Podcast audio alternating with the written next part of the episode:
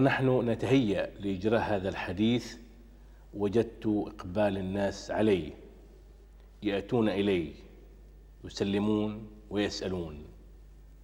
وبحثت عن أصل هذا فوجدت أن ضيفنا الكبير الشيخ الدكتور محمد سعيد البوطي واحدا من أبرز الواجهات الدينية في المجتمع الدمشقي. الدكتور له إنجازات معروفة على صعيد الدراسات الإسلامية وله كذلك مشاركات ومساهمات يعرفها آه، المهتمون بدراسة الفكر الإسلامي عربيا وعالميا وفوق ذلك فله برنامج شهير كأنه هو الذي قدمه إلى هذه الجماهير. التي تلتف حوله اليوم. أهلا وسهلا بك دكتور يا محمد. يا مرحبا أهلا وسهلا بكم. وفي البدء ونحن نريد من هذا الحديث أن يكشف بعض المخبوء في حياتكم آه، لنبدأ منذ الولادة. كأنكم قد ولدتم في جزيرة يوطان آه، الواقعة ضمن الحدود التركية شمال العراق ثم هاجرتم بعد ذلك إلى الشام. نريد هنا حديثا عن سبب الهجرة. آه بسم الله الرحمن الرحيم. الحمد لله رب العالمين وصلى الله على سيدنا محمد وعلى آله وصحبه أجمعين.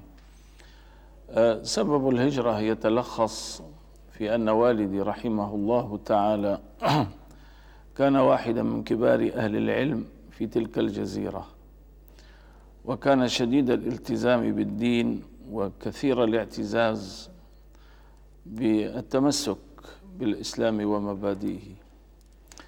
ولما ظهرت علمانية أتاتورك على صعيد الواقع التطبيقي اتخذ قراره الذي لا محيص عنه للهجرة ووقع اختياره على دمشق. هاجر من جزيرة بوطان جزيرة ابن عمر الواقعة فعلا في شمال العراق ضمن الحدود التركية. ولي من العمر ما بين الثالثة وأربعة أعوام. واستقر المقام بنا منذ ذلك العصر في مدينة دمشق. هذه خلاصة السبب. ماذا عن ظروف النشأة العلمية؟ لقد قلت بأن والدكم نعم. كان عالما من آه، علماء الدين في جزيرة يوطان.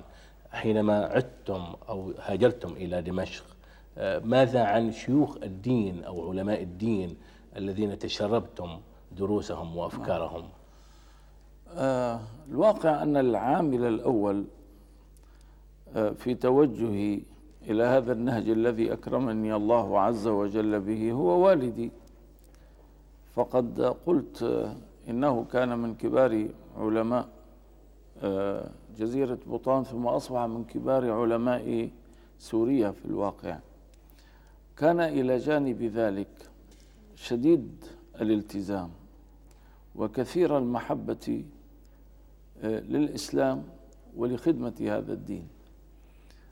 لما انتهيت من دراستي الابتدائية أخذ بيدي إلى معهد من المعاهد الشرعية في دمشق وقال لي وهو يسير بي إلى هذا المعهد الكلام التالي الذي لم أنسه إلى الآن. قال لي يا بني لو علمت أن الطريق الموصل إلى الله يكمن في كسح القمامة عن الطريق لجعلت منك زبالا. ولكني رأيت أن الطريق الموصل إلى الله عز وجل هو العلم. ولذا فقد قررت أن أوجهك إلى وجهة العلم وتزود به. العلوم الشرعية أولا وما قد يخدم هذه العلوم من الثقافات والعلوم الأخرى ثانيا هذا هو العامل الأول. طبعا انضم إلى هذا العامل عوامل أخرى فمثلا المعهد الذي آه انتسبت إليه كان يسمى آنذاك معهد التوجيه الإسلامي وكان مديره بل شيخه كما كان يسمى آنذاك الكبير رجلا من كبار علماء دمشق ومن كبار العلماء الذين عرفهم العالم العربي اسمه الشيخ حسن حبنكة الميداني. وقد قضى نحبه منذ سنوات.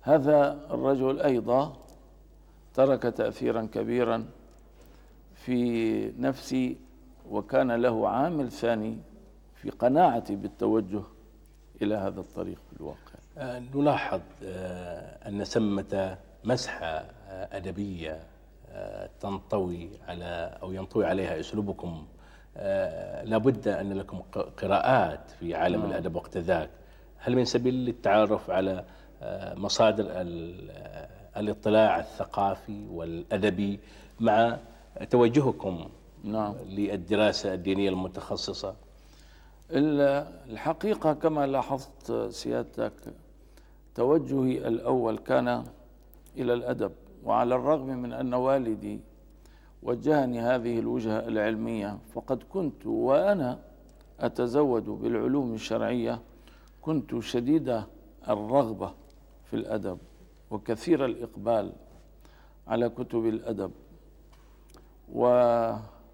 ولكن الله عز وجل شاء فيما بعد بعد أن نهلت قسما كبيرا من الأدب وتزودت بقدر كبير من الثقافات والعلوم العربية شاء الله عز وجل أن أجعل من ذلك كله خادما لهذا التخصص الذي توجهت إليه.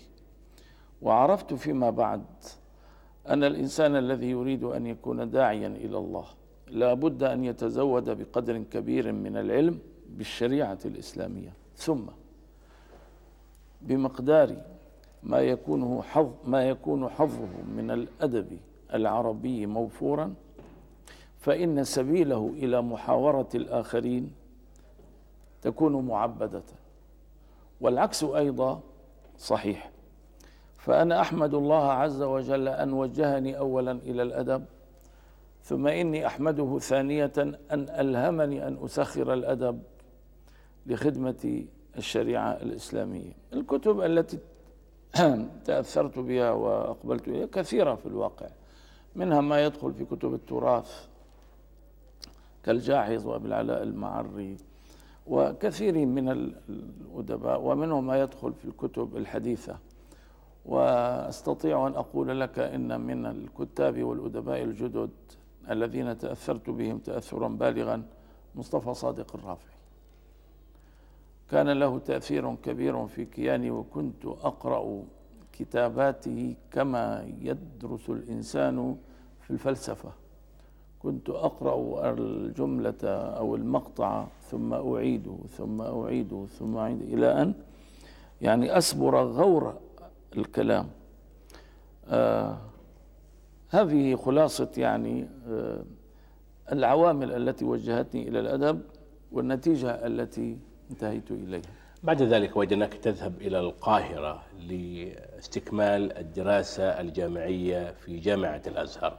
بالطبع هناك اتصلت بالجو الثقافي المصري وتعرفت إلى أفانين الطروحات المتعلقة بالفكر الإصلاحي الديني. وقت ذاك أيضا كان الأزهر قد بدأ يمر بهذه المرحلة عبر وجود أئمة ومشايخ جدد. لهم اجتهادات كالشيخ البشري والشيخ شلتوت إلى غير ذلك من الأسماء. حدثنا عن هذه المرحلة.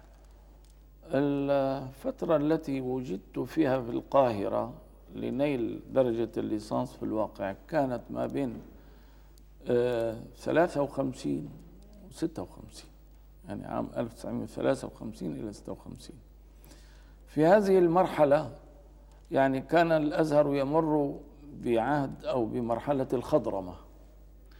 كان يجمع بين الأصالة القديمة التي كان الأزهر يمتاز بها وبين الجدة والحداثة التي كان مقبلا عليها.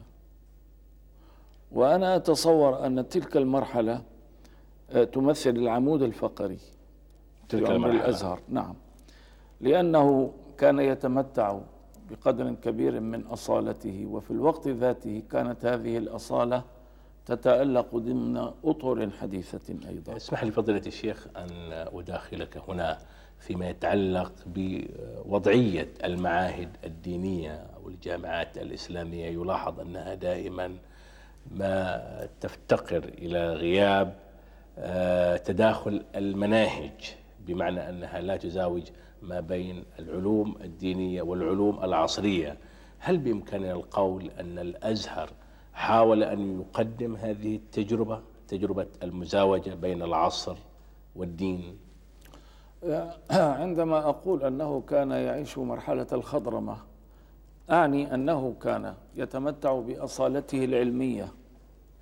وللأزهر أصالة علمية تتجلى في سبر غور القضايا وعدم المرور بها بشكل سطحي.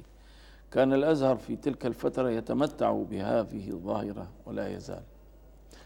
آه الناحية الأخرى التوجه إلى الجديد كان يتجلى في توسيع الآفاق أي في القناعة التي تزايدت فيما بعد بأن دارس علوم الشريعة لا غنى له عن أن يتمتع بقدر كبير من الثقافات الأخرى. فإن لم ينهل هذه الثقافات خارج دائرة اختصاصه أي في الأزهر فعلى الأزهر أن ييسرها له وعليه أن يجعله يتداركها. كان الأزهر آنذاك يتشبع بهذه المعرفة وإن لم يكن قد طبقها بعد تطبيقا تاما. وأنا في الواقع ممن يعتقد عقيدة جازمة أن قدر العالم الديني ولا أقول رجل الدين العالم الديني أن يكون ذا ثقافة واسعة بسائر العلوم الأخرى. وهل بمقدوره أن آه يتوفر على ذلك؟ بمقدوره. إن كان مخلصا لدراسته الإسلامية بمقدوره. الاختصاص يكون في الناحية الدقيقة التي يتجه إليها. لكن المناخ ينبغي أن تتمثل فيه الثقافة التامة. وماذا عن الأناشيد الدينية كذلك والتواشيح؟ حكم الأناشيد الدينية والتواشيح الدينية تتبع أمرين اثنين. تتبع نوع الكلام الذي يستخدم أو الذي يعبر به عن هذه طبعا عن الثناء على الله وعلى رسول الله صلى الله عليه وسلم. ويتبع طريقة التعبير بهذه الكلمات. فإذا كانت الكلمات متفقة مع مبادئ العقيدة متفقة مع المبادئ التي نعرفها في شريعة الله سبحانه وتعالى وكان إلقاء هذه الكلمات خاليا عن كما قلت لك عن التمطيط ومتفقا نطق بها مع مخارج اللغة العربية لا بأس. وكما أن الإنسان يجذب إلى الحق بواسطة الحوار العقلي فما أكثر ما يجذب بواسطة العاطفة. وأداة العاطفة هي الإنشاد. نعم شيء سليم. وهذا يجرنا أيضا إلى السؤال عن موقف الإسلام من الفنون. نحن نعيش اليوم عصرا يكاد يكون طاغيا بهذه الضروب من فنون الغناء والمسرح والسينما. وكما تلحظون أيضا في الفترة الأخيرة أصبح هنالك طغيان للقنوات الفضائية. وهذه القنوات الفضائية كثيرا ما آه، تقدم عوامل جذب إلى الأجيال عبر مغريات أحيانا تكون خارج إطار التعبيرات الفنية الجمالية. نريد هنا حديثا عن هذا الموضوع. آه، بكلمة مختصرة نبدأ فنقول كل أنواع الفنون. الواقع ينبغي أن نعلم أنها خدم ووسائل لغاية.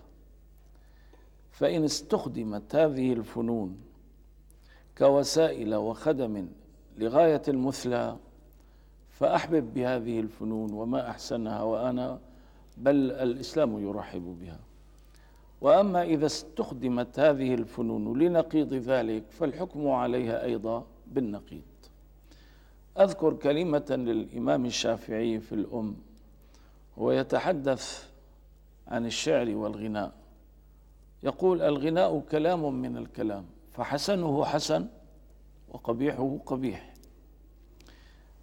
معنى هذا الكلام أن بوسعك أن تستخدم الشعر وأن تستخدم الغناء أيضا الذي هو كسوة الشعر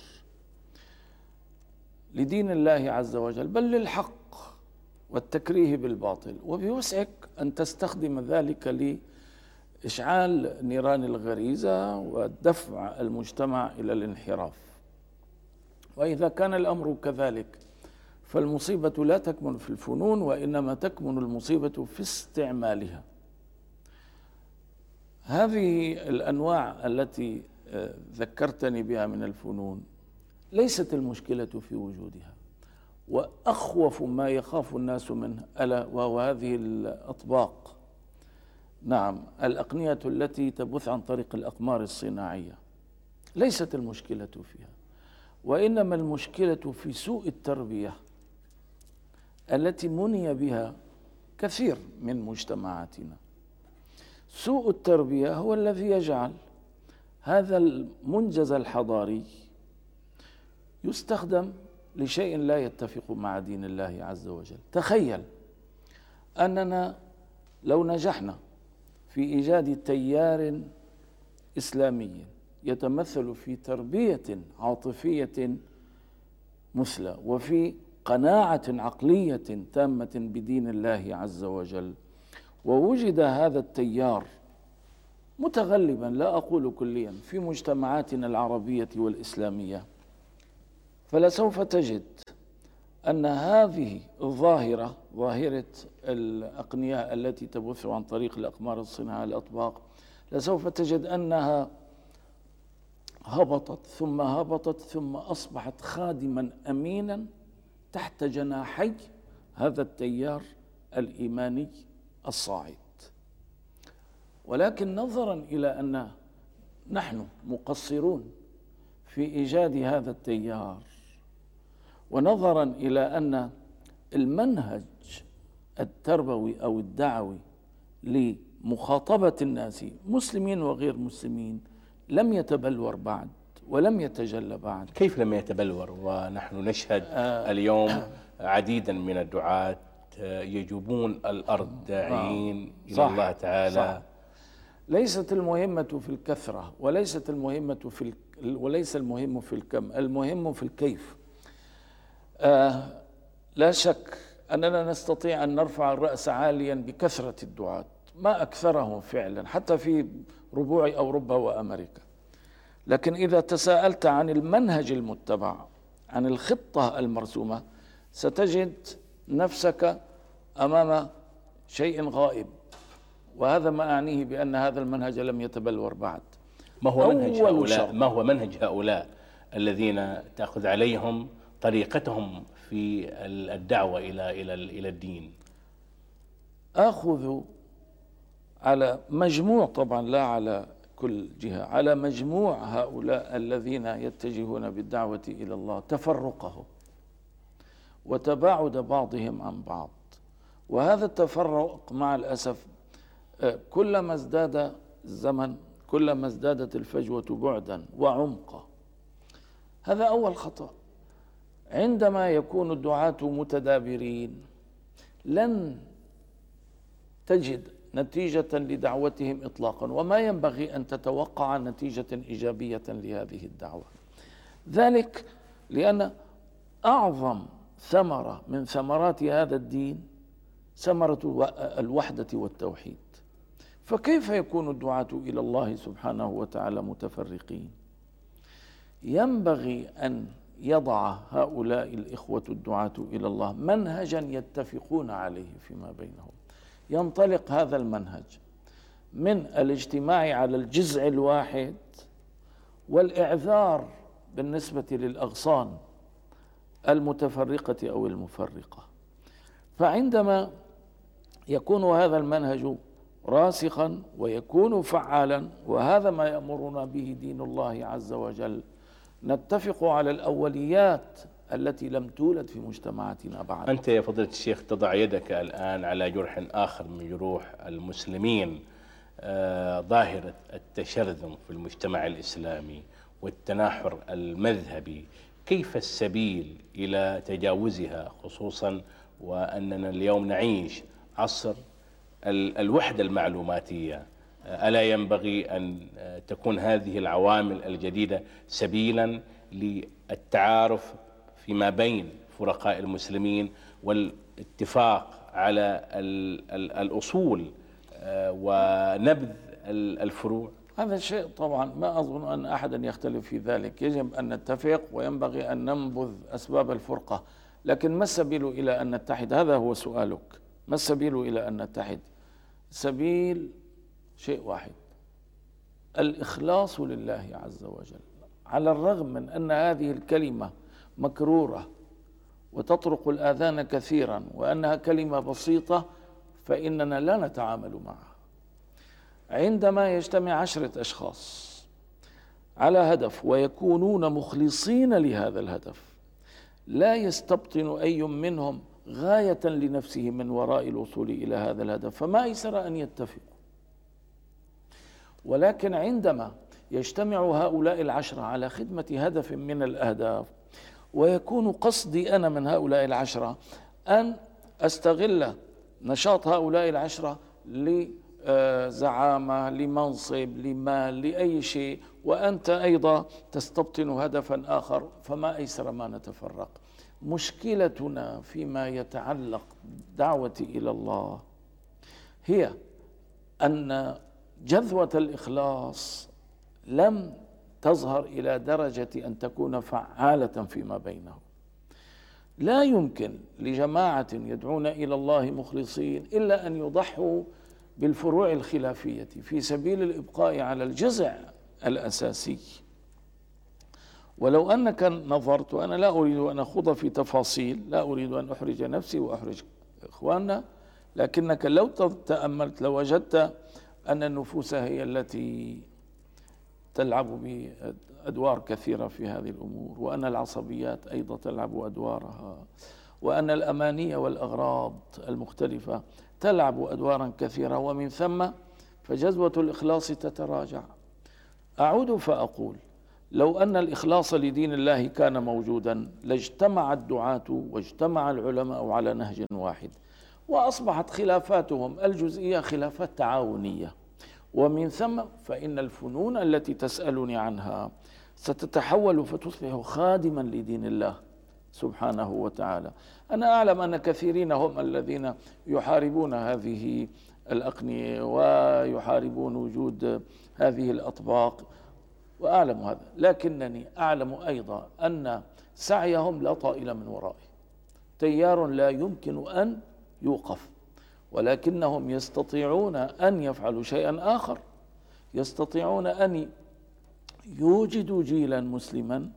يعلم كيف يستخدم هذه المنجزات الحضارية لما يرضي الله سبحانه وتعالى. نحن نحارب الفن بالفن. أنت تطرح هنا أيضا آه، إشكالا آخر فيما يتعلق بالتوفيق ما بين العلوم الدينية وما بين الفنون العصرية ومن قبل قد طرح العلامة ابن رشد آه، هذه الإشكالية في واحد من كتبه. آه، نريد هنا أن يتحدث لنا فضيلة الشيخ عن آه، وضعية العقل في المداولات الإسلامية.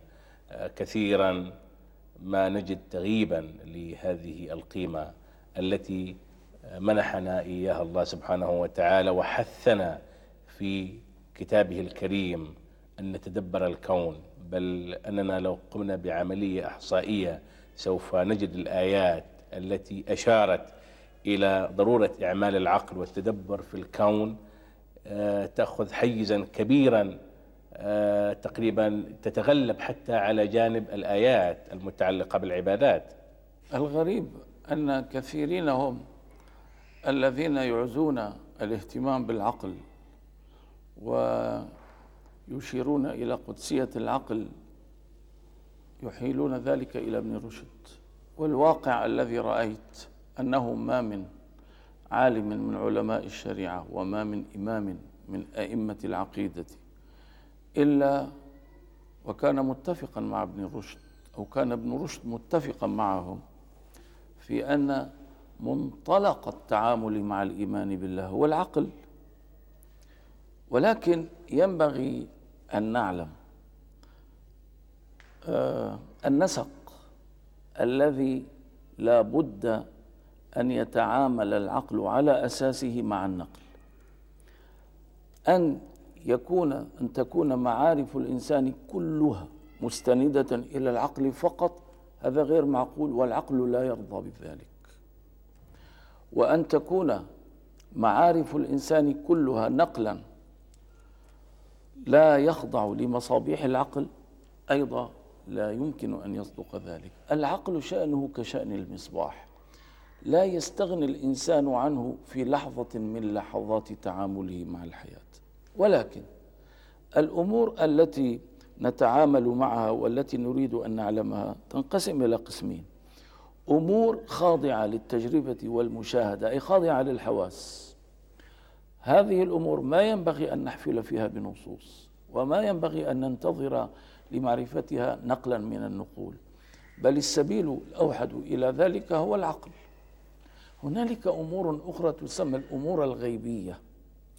أمور تعود إلى مخزن الماضي السحيق. أمور أخرى تتعلق بالمستقبل البعيد. هذه الأمور الغيبية لابد من الاستعانة بالعقل بها ولا مجال اطلاقا للإيمان بشيء ماض أو مستقبل دون أن نجد ختم العقل عليه. ولكن هذه الأمور الغيبية لا بد فيها من النقل الصحيح الذي يقره العقل. وللنقل الصحيح الذي يقره العقل شروط محددة. وأنا لا أتكلم الآن عن الإسلام أتكلم عن مقاييس المعرفة. فمثلا أنا عندما أتحدث عن الثورة الفرنسية أو عن الثورة البريطانية لا يكفي أن أعود في هذا إلى العقل وحده. العقل لابد أن ألقمه غذاء وهو النقل الذي يتحدث عن وقوع الثورة الفرنسية في التاريخ. ثم إن العقل يتفاعل مع هذا النقل ويلفظ ما لا يمكن أن يصدق ويقر ما هو قابل للتصديق. كذلك مثلا الحديث عن أصل الإنسان. ما هو؟ الحديث عن التاريخ الطبيعي البعيد عنا.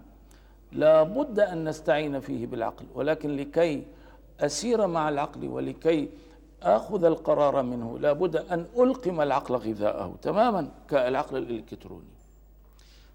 هنا يظهر الانسجام الدقيق الذي ينبغي أن يتم بين العقل والنقل. وهذا ما أوضحه ابن رشد وأوضحه الإمام الغزالي على الرغم من الخلاف الشديد بينهما. وهذا ما أوضحه الإمام الرازي وأعتقد كل علماء الشريعة قالوا ذلك. لكنك الآن قد تجد من يتطرف إلى النقل على حساب العقل. يعني ينسى فاعلية العقل في ضرام النقل. خطأ مبالغة. وقد تجد من يمجد العقل على حساب النقل. كذلك خطأ المهم هو المنهج. ولكن ماذا عن موقف الإسلام اليوم أمام المستجدات, المستجدات التي تفرزه الحضارة الحديثة؟ نحن اليوم مثلا نقيم اقتصادنا آه، عبر مؤسسات بنكية تقوم على الفائدة. وهنالك أيضا أمور تتعلق بنواحي طبية كنقل مثلا الأعضاء وزراعتها وماذا مثلا عن موضوع الاستنساخ الذي آه، هز الفكر البشري مؤخرا؟ ليست هنالك مشكلة تتعلق بعلاقة ما بين الإسلام لا أقول الفكر الإسلامي بعلاقة ما بين الإسلام وهذه المنجزات التي ضربت مثلا لبعضها. ذلك لأننا إذا رجعنا إلى المبادئ الاعتقادية التي نقرأها في كتاب الله عز وجل والتي أيدتها السنة أو الصحيح من السنة المصطفى صلى الله عليه وسلم نجد أنه ما من منجز حضاري يقره العقل إلا وللشريعة الإسلامية مساحة واسعة في قبوله. بشرط أن يقره العقل السليم طبق المواصفات التي ذكرناها الآن. فمثلا الأمور الاقتصادية. ائتني مجموعة من علماء الاقتصاد في العالم كلهم لا أقول في المسلمين يذعنون بأن الفائدة الربوية آه، نظام اقتصادي سليم منطقيا. أقول لك على لسان الشريعة هذا شيء جائز ولكنك لن تجد. كل علماء الاقتصاد الذين ينطلقون من موضوعية يعلمون أن القيمة ظل للمنفعة وأن القيمة لكي تتنامى لابد أن يتنامى الإنتاج أولا. وأن نفصل بين القيمة والمنفعة فننمي القيمة والمنفعة جاثمة عند حد معين. هذا يتعارض مع النظم الاقتصادية كما قال آدم سميث لا مع الإسلام فقط. إذا المنطق يرفض هذا الأمر. عندما يرفض المنطق هذا الأمر أين تكمن المشكلة؟ تكمن المشكلة في تقصير المسلمين. عندما أجد أن المسلمين في شغل شاغل عن الاهتمام بإصلاح النظم الاقتصادية العالم الغربي كله يتطور. الآن الآن العالم الغربي ينتظر قفزة اقتصادية يتجاوز ظاهرة الفائدة في حين أن المسلمين أو كثير منهم لا يزالون راقدين. ما هو السبب في ذلك آه، فضيلة الشيخ؟ قلت لك السبب عدم وجود الإخلاص. إلى غير ذلك أيضا نجد اليوم العديد من القوى الاجتماعية هنالك آه، جيل عرمرم من الاختصاصيين والتكنوقراطيين وهنالك أيضا آه، جيل ضخم من المفكرين والأكاديميين. طيب. ألا ينبغي أن يشكل هؤلاء قوة فكرية ينبغي. آه، تتساند مع علماء الدين نحو صياغة مشروع حضاري إسلامي للأمة؟ هل تريد أن أضيف سببا آخر؟ تفضل. السبب الأول كما قلت لك غياب الإخلاص.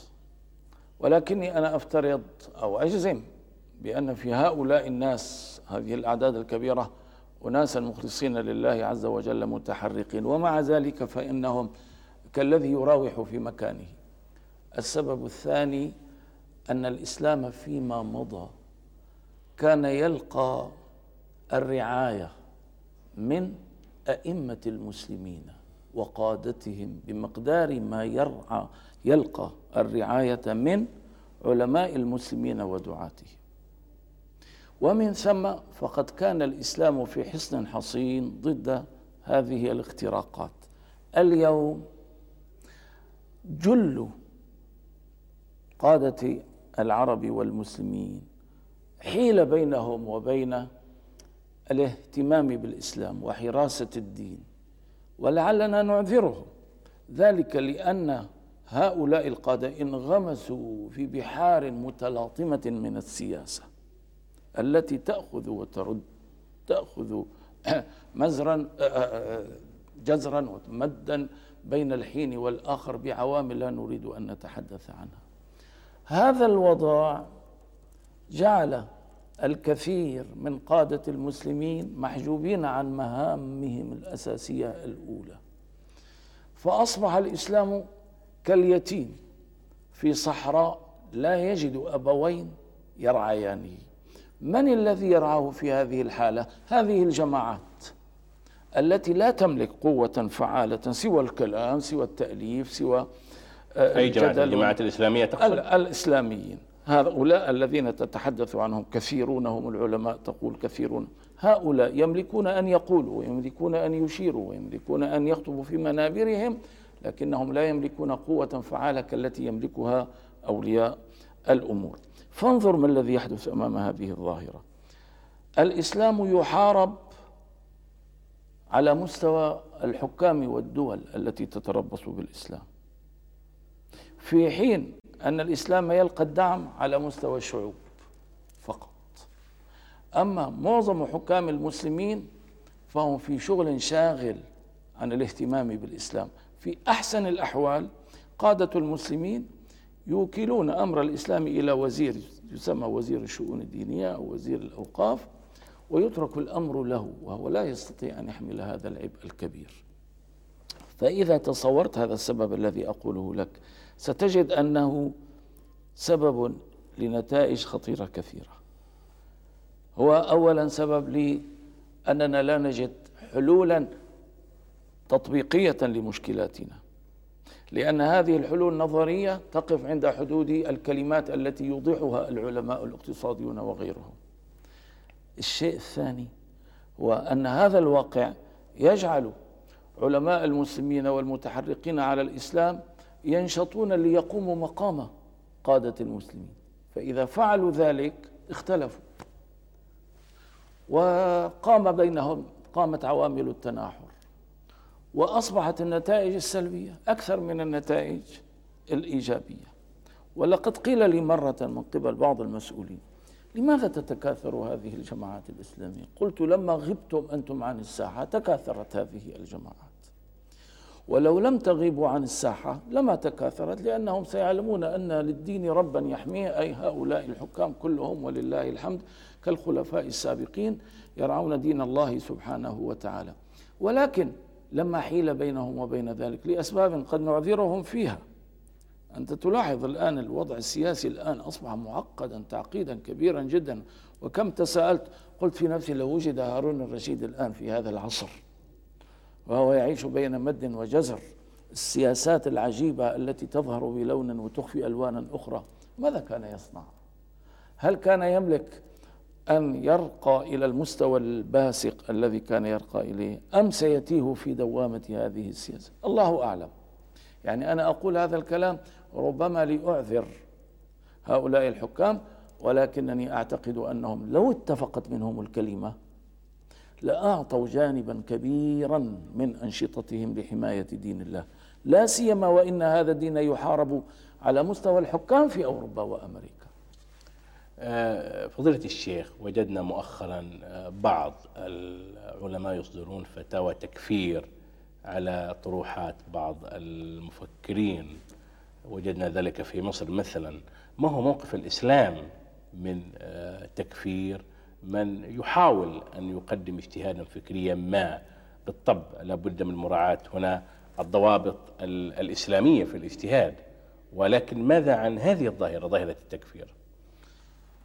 آه، هي موضوع التكفير قديم. ومنذ عصر النبوة وجد من وصفوا بالكفر. ولكن من أخطر الأمور أن يخوض الإنسان مخاضة التكفير التي وضع الشارع لها موازين من أخطر الأمور.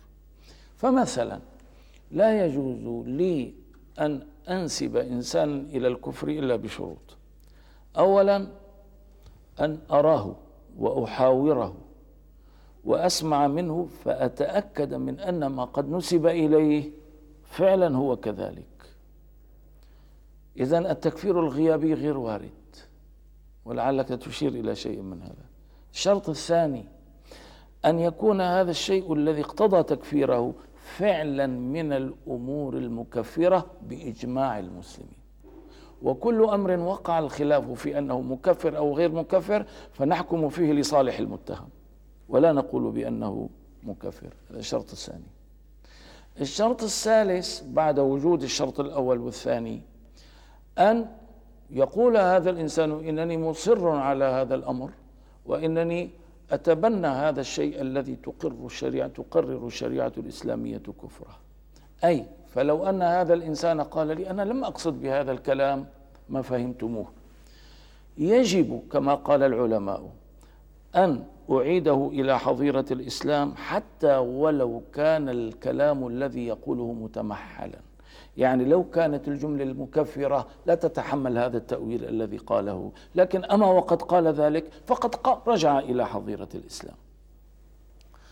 من هذه الشروط الثلاثة يتبين أن ظاهرة التكفير ماذا أقول عنها؟ كأنها أمر مودرن كأنها تقليعة يتجمل بها الدعاة.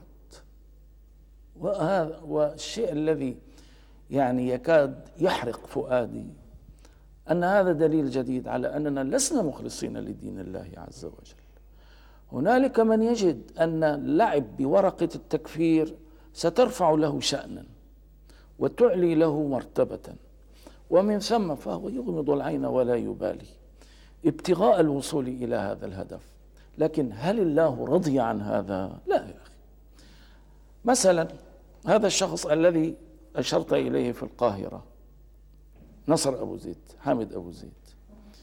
كان ينبغي أن يستخدم التكفير الغيابي غير جائز. ويقال له ماذا قصدت بهذا الكلام؟ فيجيب. فإن أعلن أنه يقصد بهذا الكلام ما يدخل في قوانين الكفر قلنا هذا كفر.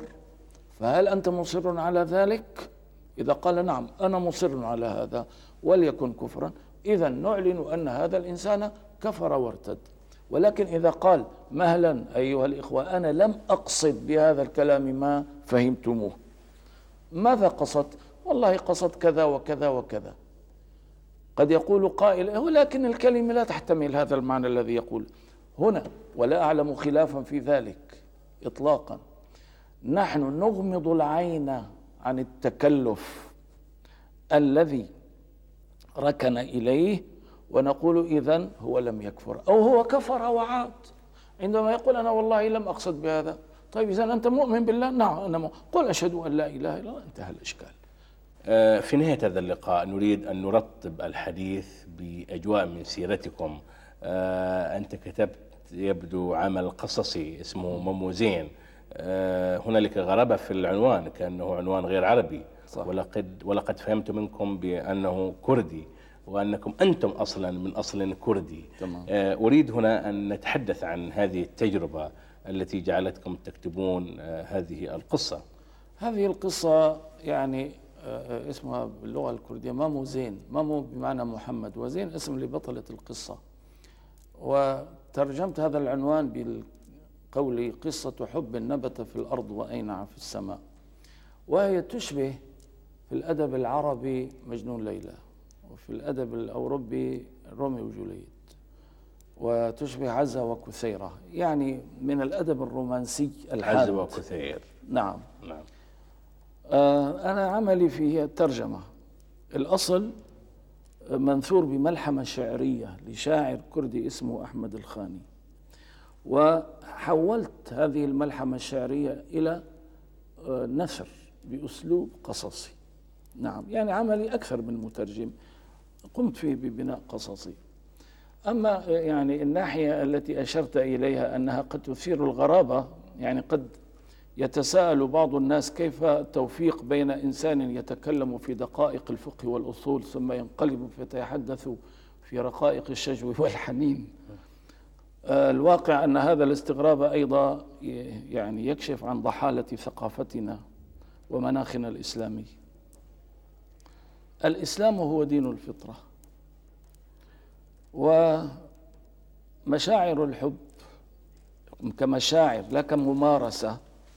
مع الأسف الآن كلمة الحب تستعمل بالمعنى الذي جاءنا من أوروبا. يعني هل أحببت فضيلة الشيخ؟ آه ما قليلا ما أعطني مهلة قليلا.